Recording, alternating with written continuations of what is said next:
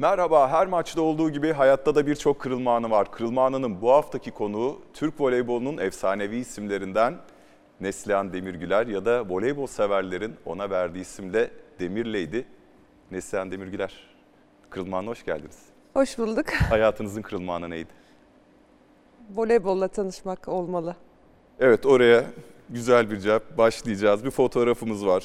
9 Aralık 1983 Eskişehir doğumlusunuz. Evet. Ve bu da sizin ailenizde bir fotoğrafınız. Diyorsunuz ki altında e, çocukluk ne güzel şeymiş, kıymetini bilemedik. En çok neyi özlüyorsunuz çocuklukla alakalı? Ee, ben bir aile apartmanında büyüdüm.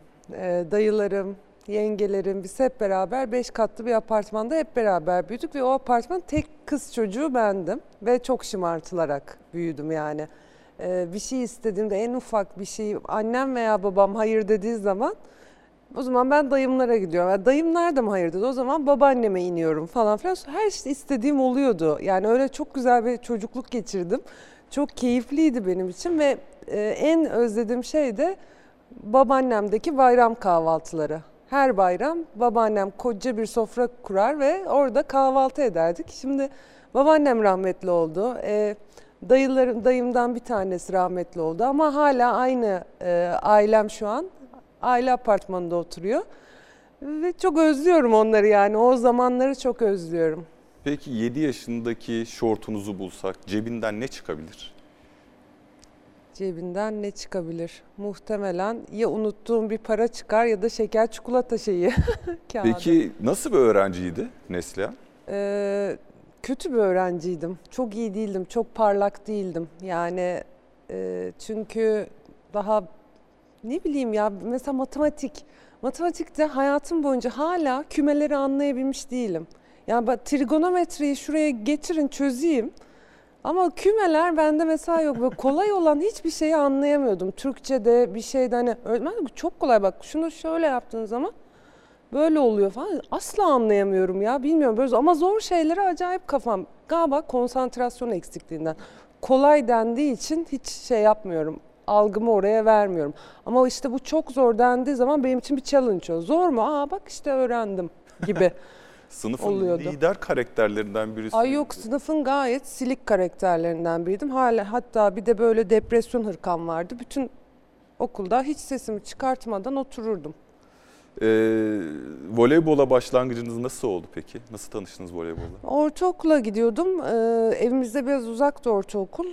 Ee, oradaki derste ne dersiydi hatırlamıyorum. İşte sınıfa beden eğitim öğretmenimiz Bekir Sütçü ve o zamanın DS Ben Spor'un antrenörü Kazım Tokat girdiler. Biz ama hiçbirini tanımıyorduk. Kız çocukları dediler ayağa kalksınlar.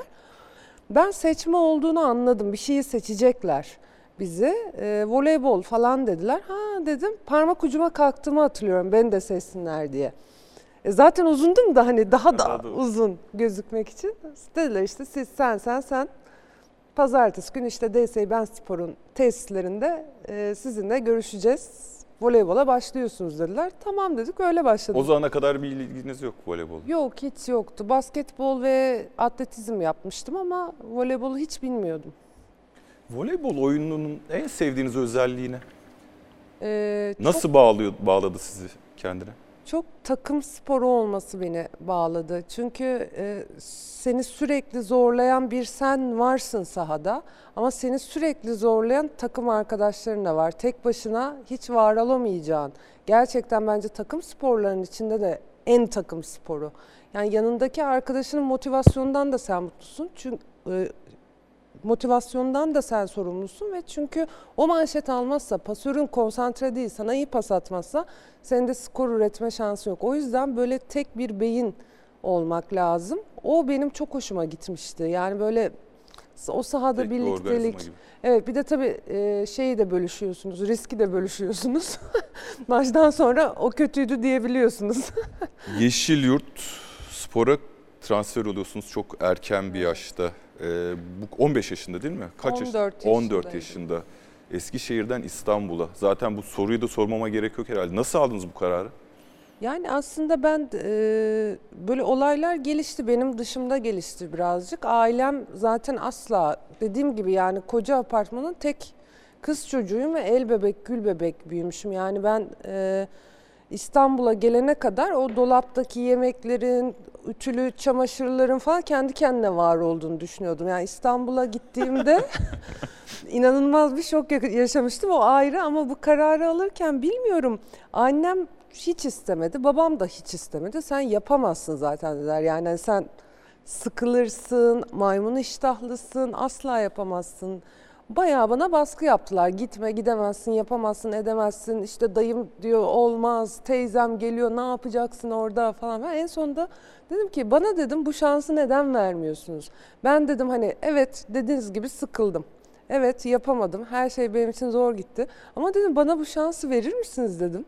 Yani çünkü dönemeyecek miyim eğer bir daha bu kapıdan çıkarsam bu eve tekrardan.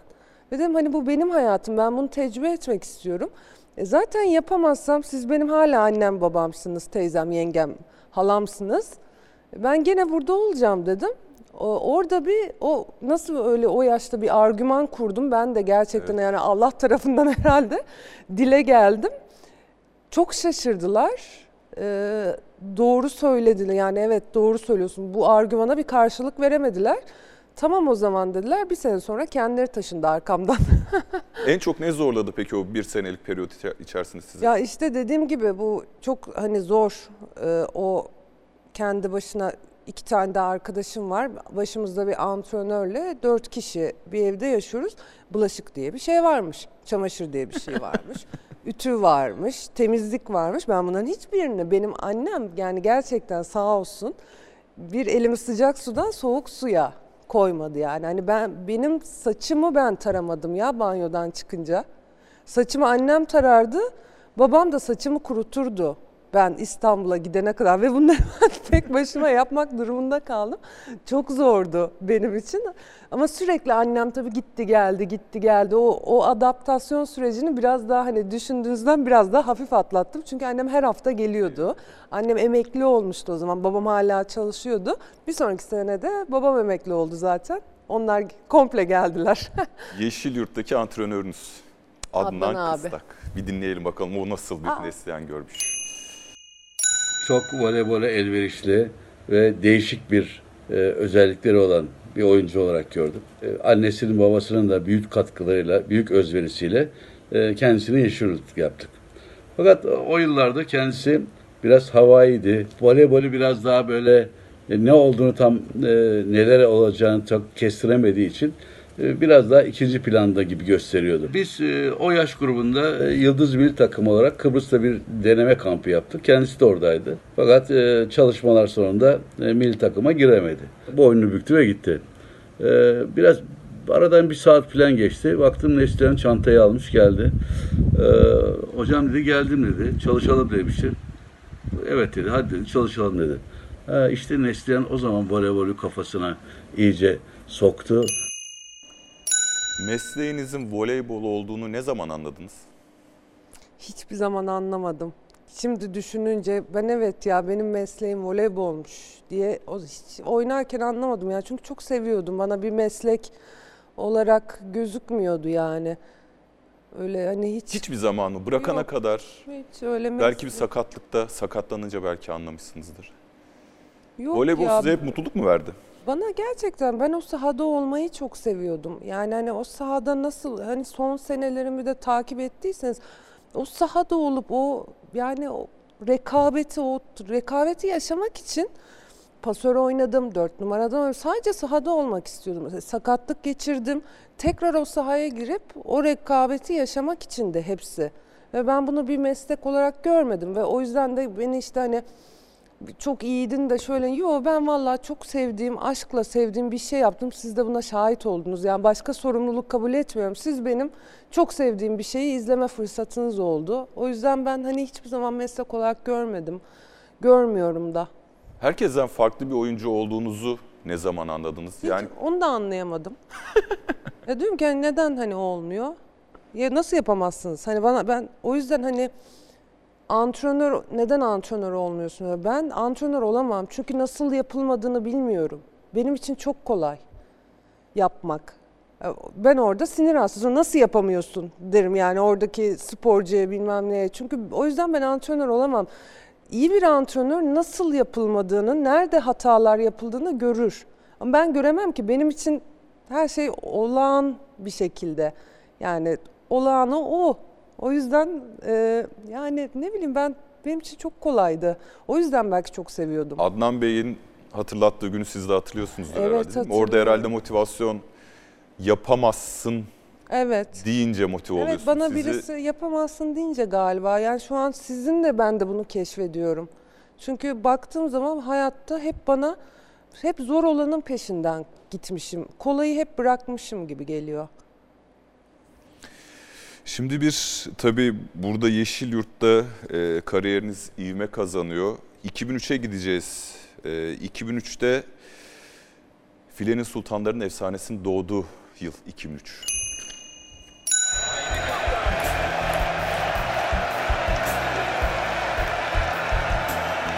Neslihan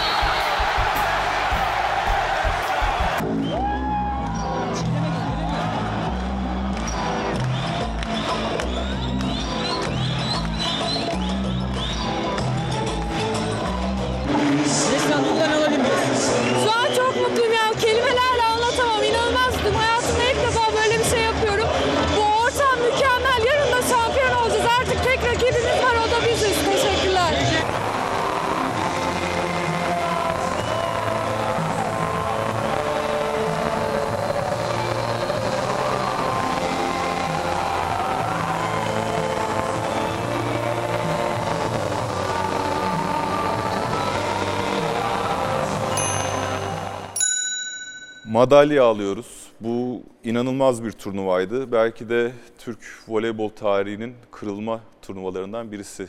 Ee, grupta Rusya'yı 3-0 yeniyoruz. Yarı finalde Hollanda'yı mağlup ediyoruz. Finalde Polonya'ya mağlup oluyoruz. Bu burada hep mutluluk görüntüleri vardı ama Polonya maçını kaybettiğiniz kadar bir maçı kaybedip üzüldünüz mü?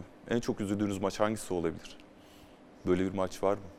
En çok üzüldüğüm maç ya çok var aslında o kadar çok hani baktığınızda böyle sizin de dediğiniz gibi kırılma anında kaybettiğimiz maçlar vardı ki olimpiyatlarda ki vardı Ee, şey Kore maçıydı Evet. yanılmıyorsam. O mesela benim için çok üzücüdür.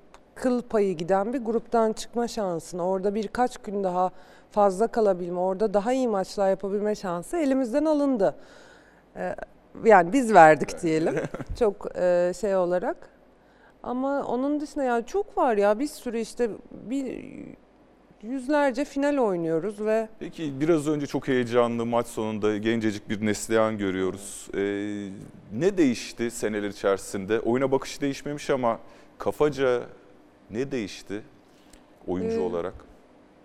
Yani de- tabii ki de artık e, şimdi benim şu an oynuyor olsaydım profesyonel olarak o yaşlarda çok daha farklı bir voleybol var artık. Bizim oynadığımız voleybolda teknik çok çok ileride olması gerekiyordu. Tekniğinizin çok güçlü olması gerekiyordu ki sayı üretebilin. Ama şimdi biraz daha fizik ve e, güç ortaya çıkmaya başladı kadın voleybolunda da. E, Ben galiba tam zamanında oynamışım. Çünkü ben e, baktığınızda voleybolculara göre daha böyle minyon kalmaya başladım fiziksel Evet. olarak. E, Bana çok fazla bu modern voleybolda bilmiyorum hani yer var mı yok mu emin değilim. Çünkü gerçekten çok çok iyi oyuncular var. Her geçen sene yeni oyuncular çıkıyor ve şaşırtıyorlar yani beni. Çok inanılmaz fizikli oyuncular falan. Ya Zehra'nın yanında falan gidince ben küçücük kalıyorum yanında. İnanılmaz. Bizim zamanımızda hiç öyle. Biz ben en uzunlarındandım takımın. Evet. Düşünün. Basketbolda dünyası da gerçi öyle. Yani artık her oyuncudan her şeyin istendiği Evet. takım sporları buna doğru evrildi. Şimdi bundan sonra bir de Dünya Kupası'na katılıyoruz. Orada da da yine dikkat çekiyorsunuz. Hatta çok geniş bir hayran kitleniz de oluyor. Ee, 2003 yılından sonra hayatınızın değiştiğini düşünüyor musunuz? Bu iki turnuva Dünya Kupası ve Avrupa Şampiyonası. Tabii ki de çok değişti yani ve hani hiç alışkın olmadığımız ben 19 yaşındaydım bunları yaşadığımda hiç alışkın olmadığımız bir ilgi bir alaka e, gören herkes sokakta işte çeviriyor konuşmak istiyor ben hatırlıyorum e, ben sabah antrenmana gidiyordum öğlen arasında bir okula panele gidiyordum akşam antrenmana geliyordum her günüm böyle geçiyordu bütün okullar misafir etmek istiyor veya herhangi bir sabah antrenman öğlen e, bütün şeyim bitmişti. Hayatım bitmişti gerçekten. Sabahtan akşama kadar doluydum ve çok yorucuydu. Çok keyifliydi ama bir taraftan da çok yoruluyordum. Ee, Uzak Doğu'dan transfer teklifi aldınız mı? Uzak doğudan transfer Çünkü teklifi ben o dönem hatırlıyorum yani inanılmaz bir popülarite, hayran İlhan grubu. Mansız da o dönem çok e, ilgi çekmişti. Türk onlar da Evet, Dünya 2002 Kupası. Dünya Kupası'nda Güney Kore da Japonya birlikte. işte, e, ben de gidince falan böyle bir uçak falan kaldıracaklardı Japonya'dan insanları Türkiye'ye getireceklerdi. İşte İlhan Mansız'la ben birlikte ne yapacaksak deneyim fotoğraf çekeceğiz falan filan öyle şeyler vardı ama yurt dışından böyle bir bana yani uzak doğudan bir transfer teklifi gelmedi açıkçası. Gelmedi. Gelmedi. Peki Filenin Sultanları sizce neyi temsil ediyor? Filenin Sultanları ekolü mü diyelim? Filenin Sulta- Sultanları sloganı. Bence şöyle diyebilirim. Cumhuriyet tarihinin en büyük kadın hareketi.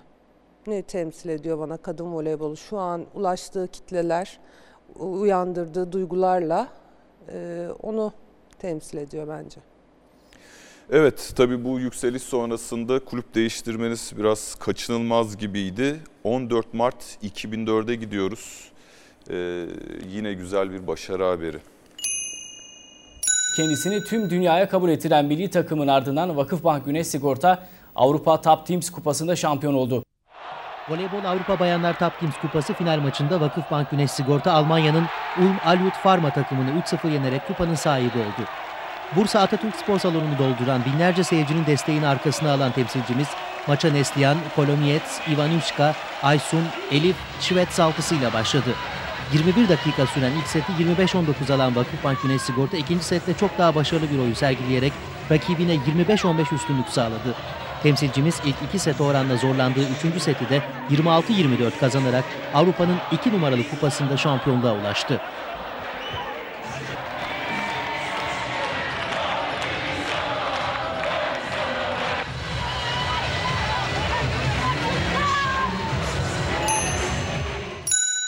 İlk kazanılan kupayla son kazanılan kupa arasında bir fark oluyor mu duygusal olarak?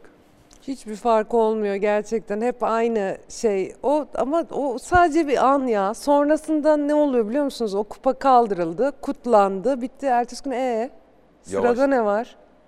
Sırada ne var? Şey, sürekli sporcunun ihtiyacı olan şey bir hedef. Bir hedef koymak gerekiyor. Bir hedef. O kupa almanı evet çok güzel ama hemen sonrasını düşünmeye başlıyorsunuz aslında. Hani o sizin için oldu, bitti. Evet, şimdi sırada ne var? Oluyor. Ee, kazanma hırsını nasıl yaşıyorsunuz siz? Yaşıyordunuz. Ee, Kimisi hani içinde yaşar, kimisi dışında yaşayıp hem takım arkadaşlarının rakibe zarar verir diyeyim tırnak içerisinde. e, ben çok daha sağ, sahada sakindim yani. Beni ruhsuz bulanlar bile olurdu duruşumla. Ama ben o hani şu an çıkayım annem babam olsun karşımda sahada tanımam. Yani o rekabet ruhunu hep içimde taşırım. Hiç kimseye acımam. Yani kendi kızımla karşılıklı maç yapıyoruz. Ona da acımıyorum. Sen beni karşına alıyorsan yenmeyi de yenilmeyi de göze alacaksın. Başarılı sporcu olmanın parolası mağlubiyeti kabul etmemek midir? Ne olur? Çünkü bu stüdyoda çok e, sporcu konuk ettim ve Evet. Yani kaybetmeyi kabul etmemek. Onun için elinden geleni yapmak. Sonucunda kayıp bile olsa o zaman her şeyi yapmış olmanın şeyle o zaman karşınızdaki rakibe de saygı duyuyorsunuz. Evet ben her şeyi yapmama rağmen benden daha iyileri var. O zaman ben onun gibi nasıl olabilirim? O da başka bir challenge oluyor size. Eğer ben bu şekilde en iyi halimle o rakibi yenemiyorsam daha iyi olmalıyım o zaman. Evet. Şimdi en iyi sezonunuz hangisi diye bir soru soracaktım ama öyle bir spesifik bir sezon sayabilir misiniz? Söyleyebilir Ay misiniz? geçen sezondu. 5 kupayı kazandık Vakıfbank'la. Ve oynamıyordum inanabiliyor musunuz? Harika. Evet. Şimdi 7 Temmuz 2006'ya gidelim. Ee, o üzerine de konuşalım. Bir imza töreni Tenerife'ye gidiyorsunuz. Yurt dışına çıkıyorsunuz. Ee, şimdi oraya gitseniz genç Neslihan'a, kulağına ne söylemek istersiniz tavsiye? Tavsiye. Valla hiç bilmiyorum ya. Bence her şey olması gerektiği gibiydi. Hiçbir tavsiye vermek istemezdim. Ya zaten her şey olması gerektiği gibi ilerliyordu onun için. O yaştaki Neslihan için. E, neden İspanya? İtalya daha önde bir voleybol ülkesi. Bunda hatta bu soruyu sorma bir voleybolcu arkadaşım istedi. Ee, yani bilmiyorum o zaman e, şeyler vardı böyle İtalya hakkında e, işte yok dolandırıyorlar İtalyanlara güven olmaz öyle olur sen işte Türksün orada seni kesin şey yaparlar falan filan maaşını ödemezler o olur bu olur gibi böyle bir algı oluşmuştu o zaman. Neden bilmiyorum. Hani annem babam da çok korkmuştu. Kızım bilmediğin yer etmediğin yer. Evet. Ama kalktım Afrika'nın oraya gittim yani İspanya'ya gittim. Ee, onlar teklif etmişti zaten o zaman Ee, rahmetli Kiko. O teklifte bulunmuştu. Güzeldi yani orası çok güzeldi. İspanya'da kazandığınız en önemli deneyim ne sizce? Ee, yabancı oyuncu olma deneyimini kazandım. Çünkü o ana kadar sürekli burada Türk oyuncuydum ve Türklerle beraberdim. Her zaman ev sahibi gibiydik biz gelen yabancı oyuncuya. Ee, ve onlara çok da anlamazdık. Yani neler yaşadıkları, neler yaşıyor olabileceklerini. Ama ben gidip İspanya'da oynadığım zaman bir yabancı oyuncu olmanın ne olduğunu anladım. Ne zorlukları olduğunu, ne kadar zorlandıklarını anladım. Mesela döndüğümde Türkiye'ye e, takımdaki en yakın arkadaşlarımın hepsi yabancı, Yabancı. oyunculardı. Neden döndünüz peki? Çünkü daha sözleşmeniz de vardı. E, çünkü orada 2008 yılında Avrupa'da bir kü- küresel bir şey çıktı. Kriz oldu. Ekonomik kriz yaşandı. E, ve kulübümüzün başkanı da Kiko rahmetli o zaman çok ağır bir kanser hastasıydı ve o tarih yani ben döndükten yalan olmasın bir ay sonra vefat etti zaten. Kendisi benim gitmemi istedi. Çünkü bizim kulübümüz e, birazcık belediyeden destek alıyor, birazcık sponsorlardan hani böyle bir gelir kaynağı olan da bir, büyük bir kulüp değildi. Ben dedi senin dedi ben dedi öldükten sonra dedi öleceğim dedi ben. Kimse dedi senin dedi paranı ödeyemez. Ben seni burada böyle mağdur etmek istemiyorum. Bana direkt kağıt verdi. Bana sormadı bile kalmak ister misin diye. Ben dedi senin gidip iyi şartlarda voleybol oynamaya devam etmeni istiyorum dedi. Ve öyle öyle döndüm. Yoksa dönmek gibi bir niyetim yoktu. Peki sizin için Eskişehir'den İstanbul'a gitmek mi? İstanbul'dan Tenerife'ye gitmek mi? Yoksa kariyerinizin yükselişe geçtiği dönemde anne olmayı tercih etmek mi? Büyük cesaretti. Bence hepsi büyük cesaret. Ya şimdi siz böyle söyleyince bana yaşarken kolay gelmişti. Ama baş böyle söyleyince hepsi bence büyük cesaret. Annelik kararı korkuttu mu şimdi? Ee, çok güzel bir kız çocuğunuz da var. Ama bir sporcunun, kadın sporcunun hayatında da çok önemli bir viraj. Hiç korkutmadı ya gerçekten. Ben 4 aylık hamileliğe kadar oynadım zaten. 5 ay sonra kızım doğdu. 40 gün sonra tekrar antrenmanlara başladım. Yani çok kısa bir ara verdim. Bu yani bir ön çapraz bağının kopması bile bazen daha uzun sürebiliyor. Yani ben 5,5-6 ay sonra tekrar voleybola döndüm. Voleybola döndünüz, sonra İstanbul'a, Türkiye'ye döndünüz. Bu arada Fenerbahçe'nin de yatırım yapmaya başladığı yıllar kadın voleybolunda. Böyle bir ihtimal oldu mu? Evet Acı badem mi? olmuştu. Bir dönem çok e, acı badem zamanı mıydı? Tam emin değilim. Senesinden gerçekten emin değilim. Böyle bir şey olmuştu. Aa, özür dilerim şöyle eminim. İspanya'ya gitmeden önce olmuştu ama ben çoktan İspanya'ya imzalamıştım. O yüzden hani çok nazik tekliflerini reddetmek zorunda kaldım. Ondan sonra da olmadı Acıbadem döneminde. Sayın Başkan mı teklifi yapmıştı? Ee, Aziz evet Yıldırım. Aziz Bey ve e, Israrcıdır kendisi. ısrarcıydı. Ama, Ama daha önce de e, imza vardı yani şimdi çift imza olmaz zaten. Hani hem sporcuyu zor durumda hem kulüpleri mağdur etmek hiç kimse istemez. O yüzden de ben en baştan kusura bakmayın çok isterdim ama dedim. Peki Neslihan Demir'in kriteri nedir transfer olurken? Önceliği. Neye göre tercihlerini yapar?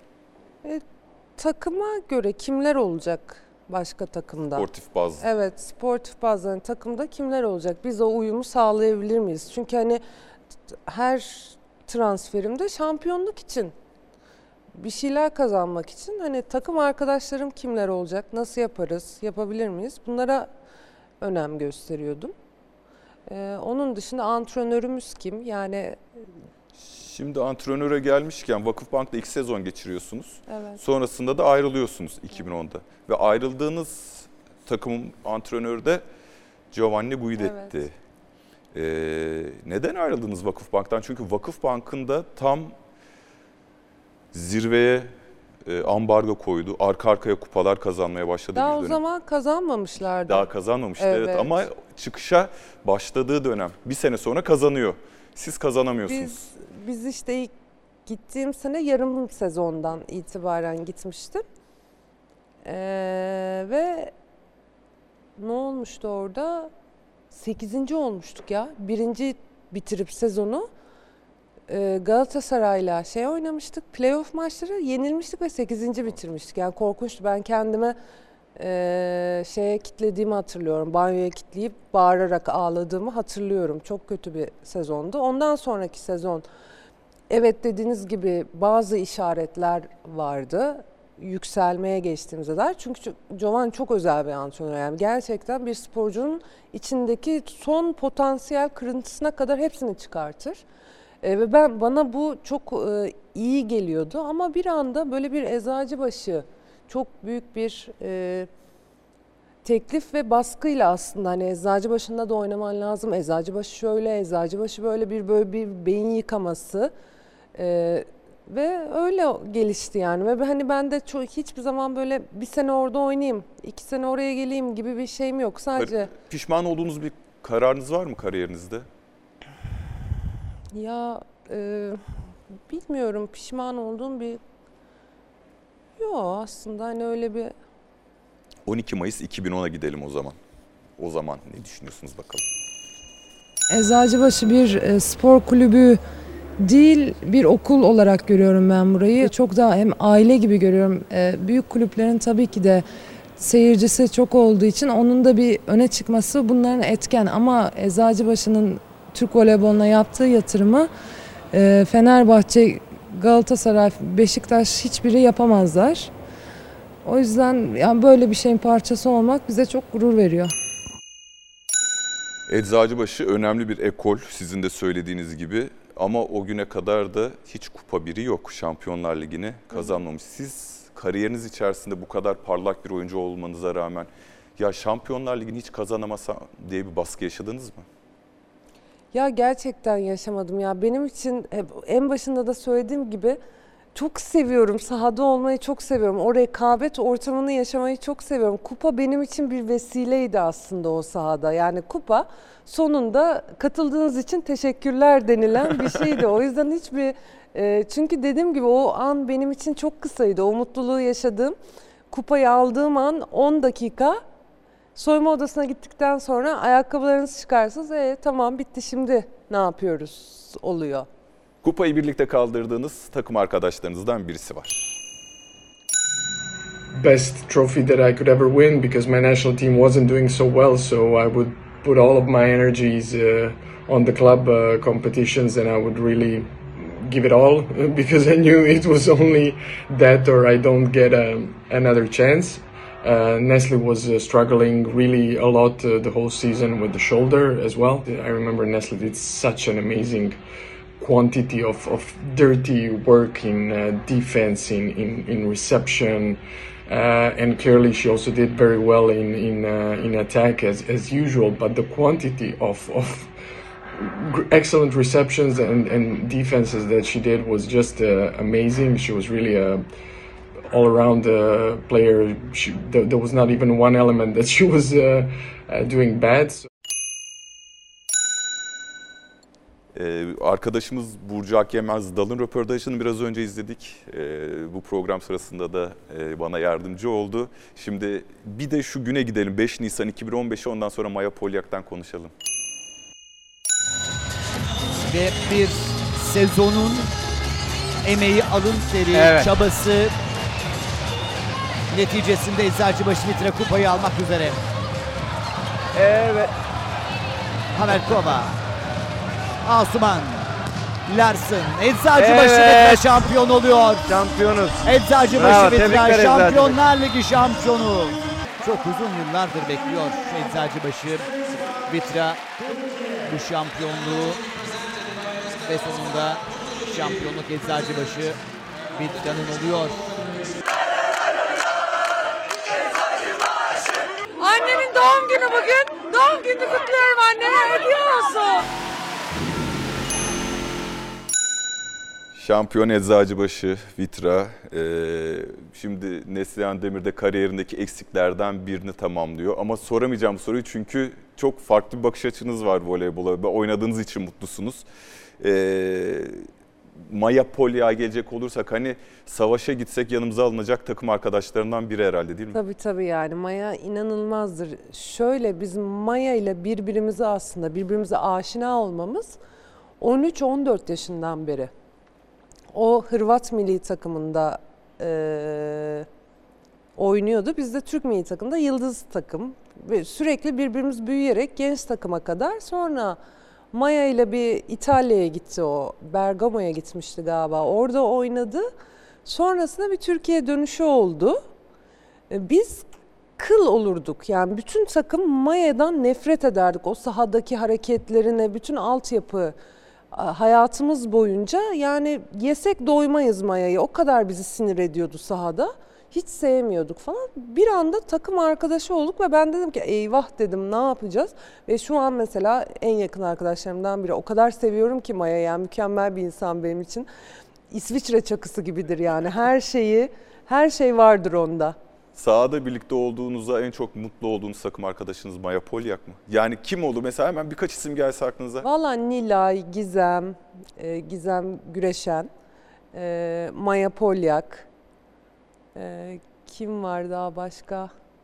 Esra Gümüş, Gülden Kayalar. Bunlar Peki o birlikte oynadığınız en iyi oyuncu kim?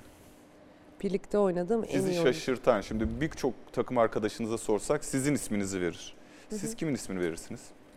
Ben kimin ismini veririm? E, Valla Jordan Larson.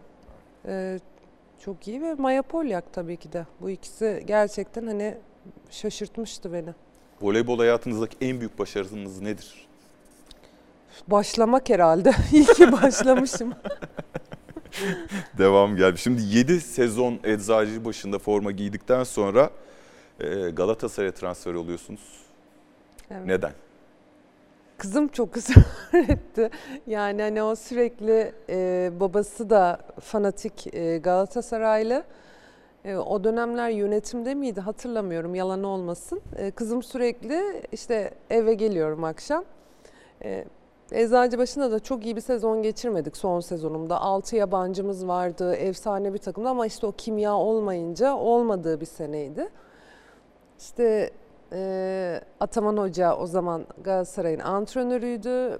E, bizim de Ataman'la arkadaşlığımız çok çok eskilere dayanıyor. Böyle 16-17 yaşından beri arkadaşız.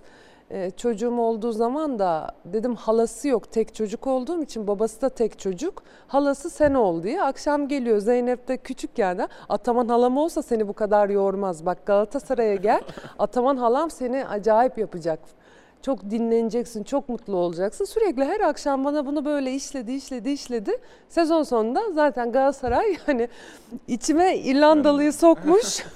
Dediler ki biz seninle e, anlaşmak istiyoruz. Bırakmak üzere mi gitmiştiniz? Son sezonu geçireyim Evet, mi yoksa? bırakmak için gitmiştim gerçekten. Bırakmak için gittiniz ama 6 Nisan 2018'de öyle bir niyetiniz yokmuş gibi oynadınız.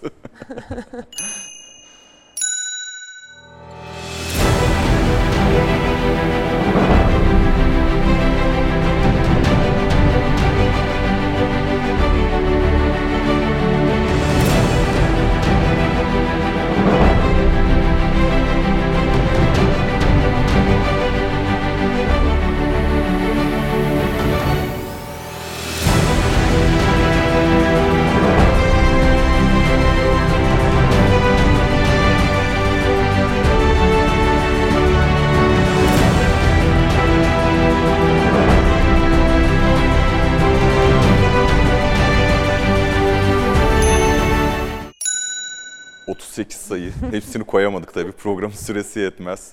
Yani ve bu Final Four'a götüren maç. Hiç de Evet. kolay bir maç değil. Hiç saha içinde kendinizi süper kahraman gibi hissettiniz mi? Böyle Ya- bugün bir şeyler farklı.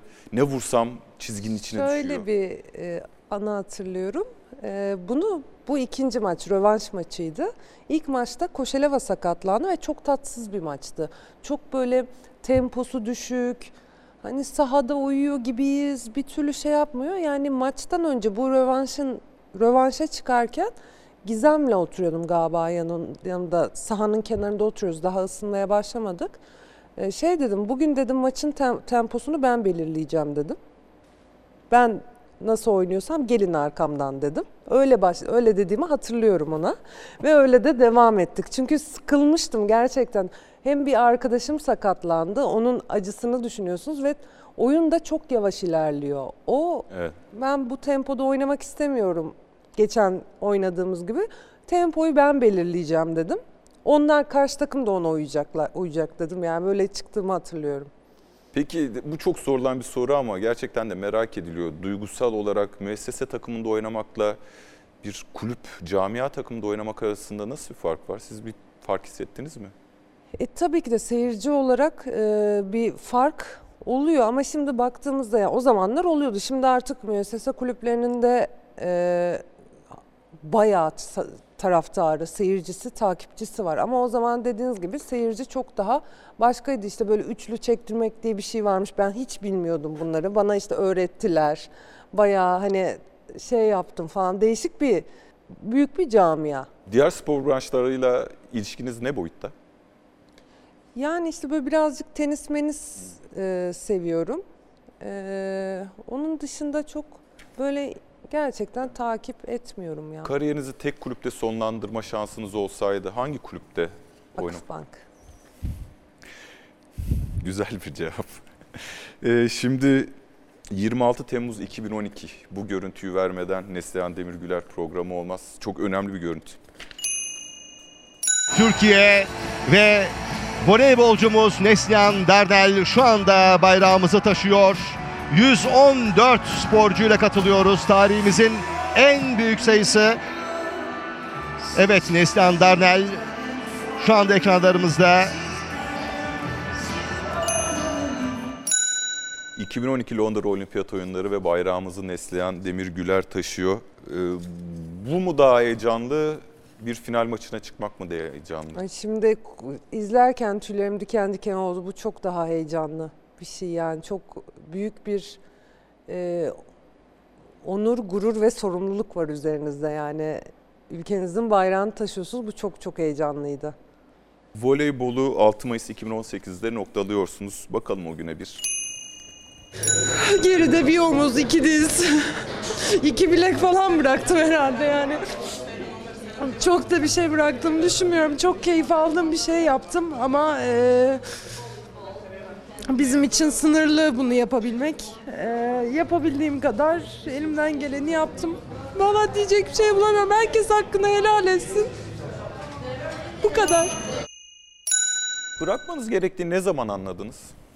Vücut mu sinyal verdi yoksa? Ya omzum çok sıkıntılıydı artık. Yani omzumu evet belki zorlasam bir sene daha oynardım ama e, böyle 20. senenin sonunda artık her gün her gün o ağrı bugün iyi olacak mı acaba? Nasıl olacak? Ne yapabilirim? İşte egzersizler tedaviler egzersizler tedaviler. İtalya'ya gidiyordum tedavi olmaya geliyordum. Yani bir çok çok büyük bir e, zaman alıyordu bu benim için ve ben artık psikolojik olarak bunu kaldıramıyordum. Her şeye baştan başlamaya bir ağrı neticesinde tekrardan baştan başlamak beni çok görüyordu ve dedim ki hani tadında bırakalım. Bu kadar da e, zorlamanın bir manası yok dedim. içinizde bir şey kaldı mı peki? Ya keşke hala oynayabilsem tabii ki de. Hani ben oynamayı çok isterim. Çok çok isterim. Her zaman oynamak isterim yani ama maalesef işte bizim de sporcuların da böyle oluyor yani sakatlık geliyor. Şunu da yapabilseydim dediğiniz bir şey var mı başarı anlamında? Yani olimpiyatta bir madalya alabilseydim. Keşke mesela geçen seneki Kore maçında kahroldum. Evet. Bundan sonra yönetici olarak en büyük hedefiniz nedir? Yani en büyük hedef değil de çünkü sonuçta yani geçen sene bütün hedeflerimizi yakaladık. Bizde hani yıllık hedefler oluyor. Ee, ve e, şey diyebilirim. hayal diyebilirim buna. Bir hayalim var. Ee, ileride Vakıfbank takımı tamamen altyapısından yetiştirdiği Türk sporcularla bir Avrupa şampiyonu, bir dünya şampiyonluğu yaşasın diye böyle küçük bir hayalim var. Çok güzel bir hayal. 31 Ocak 2004. Böylesi görülmedi Milliyet Gazetesi. Neslihan'ın smacı hakemi sakatladı. Hakem Fatma Sedef'in yüzüne geliyor top. Gözlüğü kırılıyor Fatma Hanım'ın. Ee, şimdi bu bir e, lakabınız var. Demirleydi. Bunu kim çıkarttı? Valla hiç bilmiyorum nasıl çıktı. Acaba ilk bir gazetede mi çıktı? Ben hatırlamıyorum yani bir anda öyle kendimi demirleydi. Ama çok özgün, güzel bir lakap. Memnun Evet. musunuz bu lakaptan? Yani nesli deseler daha Margaret şey olurum. Thatcher'ın da eski Evet. başbakan. O bir, çok, çok sempatik bir karakter Evet. gerçi siyaset dünyasında. Solak olmanın en büyük avantajı ne oldu size? Solak olmak. Tahmin edilemez olmak mı? yani e, e, tabii insanlara ters geliyor e, bir noktada. E, ve daha kolay sayılıyorsun. Peki sağ elinizde yapabildiğiniz en iyi şey ne? Sol elimi tutmak. ya sağ elimi çok kötü hiçbir şey yapamıyorum ya. Birazcık daha geliştim son yıllarda mecburen işte makas kullanmada falan filan. Yani yemek bile yiyemem. Çok kötü sağ elim. Şimdi sosyal medya hesabınızı çok aktif kullanıyorsunuz. Birkaç tane foto, iki fotoğraf var. Ee, bunları verelim. Sizin altında da şöyle yazıyor. Taklaya gelse de kurduğumuz düşler, eksilmedi yüzümüzden okuyak gülüşler. Keko, Kekocan hashtag ile sizi takip edenler birler. Ee, Kekocan kime denir? Valla bilmiyorum ya bu da- Instagram'da bir hesap vardı. Ben orada ilk gördüm ve bayıldım bunlara yani. Benim için aslında tek gerçek sosyal medyadaki o kekocanlar yani bayılıyorum. İnanılmaz bir şeyleri var. Ee, nasıl diyebilirim? Öyle bir hayatları var gerçekten. Böyle sürekli atarlı, giderli falan. Dedim ki keşke kekocan olsam.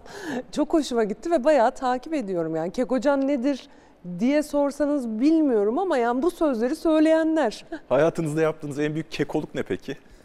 Ha ya be, benim çoktur ya. Benim çoktur ben çok yani çok bomba biriyimdir normal hayatımda kim bilir ama o neler yapmışımdır. Şimdi bir görüntümüz daha var. Ee, Zamanın Son Set programından Burcu Akemiz'in yaptığı bir röportaj yine. Ama Türk standartlarına göre boyun kısa değil ki.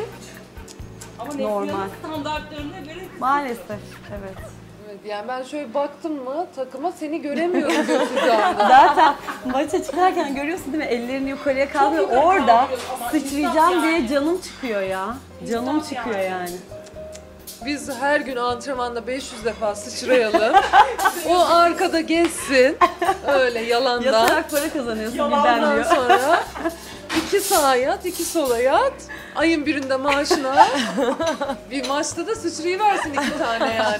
bir de yani bu e, Omiçka maçında sen daha fazla yerdeydin. Yani işte ben ne yapayım? Bir iki sene daha oynasın diye kapatmaya çalışıyorum. Daha ne yapsın kız? Daha ne yapsın? Sonra yaranamazsın. Çok güzel bir program oldu. Artık insanlar ilişkilerimiz tamamen Doğaçlama. Esra Gümüşgül'den Kuzubaşıoğlu. Hemen bana bir ilk altı saysanız kimi sayarsınız? Türk mü Türk. sayayım? Türk. Türk Evet. sayayım. Valla dört numaradan eee Esra'yı say- sayarım. Eee orta oyuncu şu an Zehra'yı oynamak isterim onunla eğer oynar. Pasör çaprazına kendimi koyarım birazcık oynayayım diye. sonra çıkarım birinci setten sonra. Eee, diğer orta oyuncuyu eee, Özlem ablayı koyarım. Eee Dört numarada başka pasör Bahar ablayı koyarım. Bahar Mert. Ee, dört numara bulamadım. ikinci bir dört numara. Derya'yı koyarım. Derya Cebecioğlu şu an kim milli takımdaki. Ee, en iyi anlaştığınız pasör kimdi? En rahat hissettiğiniz, En benim iyi. ruhumu bilir pası atarken. Ya aslında bütün ben pas seçmezdim yani. Ben pasörlere hiçbir zaman pas tarif etmedim yani. Hani bana şöyle atın, bana böyle atın. Ya ben pasör çaprazıyım. Ben skor üretmekle yükümlüyüm. Ya, yani pas tarif edersem vakit kaybı. Benim artık o nereye geliyorsa oraya gidip vurma. O yüzden bütün pasörlerle çok rahatım. Pasörler de çok iyi arkadaşımdır o yüzden zaten. Hiç beni şey, biz onları üzmediğim için öyle at böyle at falan diye. İyi de anlaşıyorsunuz. Şimdi e, 28 Eylül 2012'de GQ dergis- dergisine e, konuşuyorsunuz ve bir e, fotoğraf serisi de var. E, Neslihan'a dair her şey röportaj. Olimpiyat seferindeyken buradan aldığın övgülere rakçı iltifatı da eklenince uzun süredir sadece o konuşulur oldu. Voleybolun memleket tarihinde bu kadar popüler hale gelmesinde önemli miktarda kendisine borçluyuz demiş GQ dergisi. Ve hatta o şu meşhur 5 Ağustos ilk- 2012'de de Hot Chili Peppers'ın gitaristi Flaya'nın attığı bir de tweet de var. E, hiç ayaklarınız yerden kesildi mi bu popülariteyle? Öyle olduğunu düşünüyor musunuz? Yok ya ben hiç şey yapmadım yani benim hiç öyle ayağım kesilecek bir durumum yoktu ya. Yani ben eve gidiyordum işte çoluk çocuk bir şeyler. Yani diyorum ya benim bulun şeyimden Instagram'ımdan ben dünya şampiyonu oldum geldim. E, eve gittim evde bir şey yok markete gittim. Markete gittim yiyecek bir şeyler aldım işte dünya şampiyonusun ama ertesi gün markete gitmek zorundasın yani. Çünkü evde çocuk yemek bekliyor. E, fasulye koyuyorsun ben diyor kıymalı makarna istiyorum. Ne diyeceğim orada ben dünya şampiyonuyum kimle konuştuğuna dikkat et mi diyeceğim. Yok orada kalıyor. Normalde normal hayatına devam etmek zorundasın O yani. zaman şunu da hiçbir soru buydu. Dengeyi nasıl kurdunuz? Çünkü popüler kimliğinizde, anne kimliğinizde bir yandan da sporcu kimliğiniz var. İmajınızın önüne geçmemesini, voleybolcu kimliğinizin önüne geçmemesini nasıl sağladınız? Valla bilmiyorum ki Oldu. yani öyle ben normal yaşadım ya. Şimdi bir fotoğrafımız var. Sonra bir video vereceğiz. Zeynep Evet. Penelope. Çok tatlı. Darnel. Şimdi bakalım e, Zeynep'in annesiyle ilgili şikayeti ve övgüsü ne? Merhaba, annemin en sevdiğim özelliği herhalde çok sabırlı ve anlayışlı olması. En sevmediğim ise çok erkenci olması, her yere çok erkenden gitmesi. Bu erkencilik nereden geliyor? Ya ben bilmiyorum galiba sporculuktan geliyor. Yani benim her yere 15-20 dakika önce mutlaka erken giderim. Çünkü geç kalma stresini ben antrenmana da öyle giderdim. Ee, sabah 9.30'da antrenman mesela 8'de biz işte Sabri dayılarla kapıyı açarız. Günaydın günaydın çay var mı? Var. Hadi 9.30'a kadar ben otururdum yani. Ben hiç geç kalmayı hiç sevmem. Çok stres olurum o yüzden de erken giderim. Onu da sürekli dürtüklüyorum. Hadi hadi hadi hadi diye. Hangi huyu size hiç benzemiyor? O birazcık e, unutkan, çok unutkan. her şeyini her yerde unutuyor. Ve biraz hani o anlamda babasına çok benziyor. Babası her şeyi unuturdu.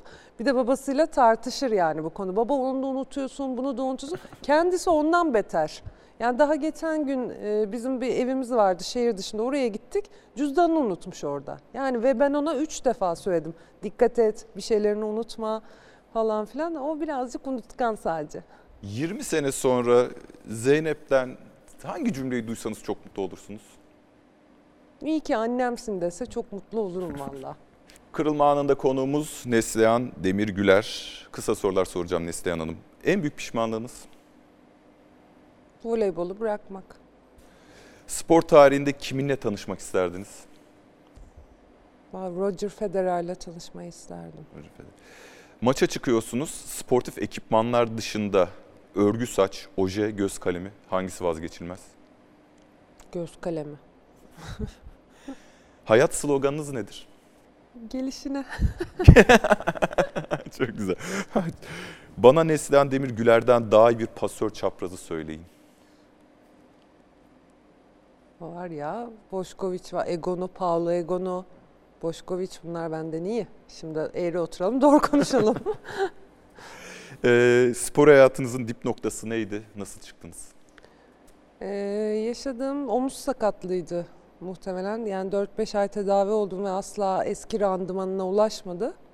Ve ondan sonra e, bir fizyoterapiste tanıştım ve o hayatımı değiştirdi aslında. Beni dipten çıkartan o fizyoterapistti.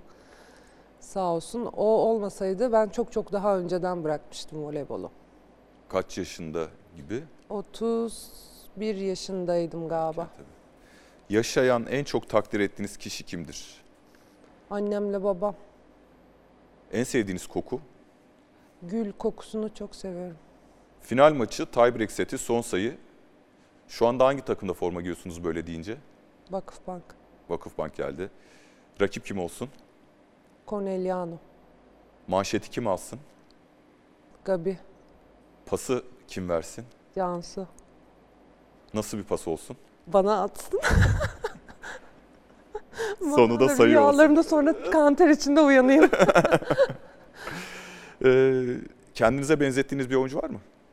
Ee, şeyi benzetiyorum birazcık. Alexia'yı şu an bizde Vakıfbank'ta geçen sene Galatasaray'da oynuyordu. Evet. Aslında aynı tip e, oyuncularız. O da çok uzun değil fiziksel olarak. Ama o da iyi bir teknik bir oyuncu. Ee, onu beğeniyorum ve benzetiyorum. En son ne zaman ve niçin ağladınız? En son ne zaman ne için ağladım? En son ne zaman ağladım? Ya benim hemen gözüm doluyor. Mesela bir böyle duygusal bir kedi videosu görüyorum. Hemen başlıyorum ağlamaya. Yani böyle çok en son onun için ağladım herhalde. Bir tane kediye bir şey mi oluyordu falan böyle çok üzüldüm. Böyle burnumun direği sızladı falan böyle pıt pıt iki tane damla düştü yani. Neslihan Demirgüler çok teşekkürler. Ben teşekkür ederim. Kırılma sonuna geldik. Hoşçakalın.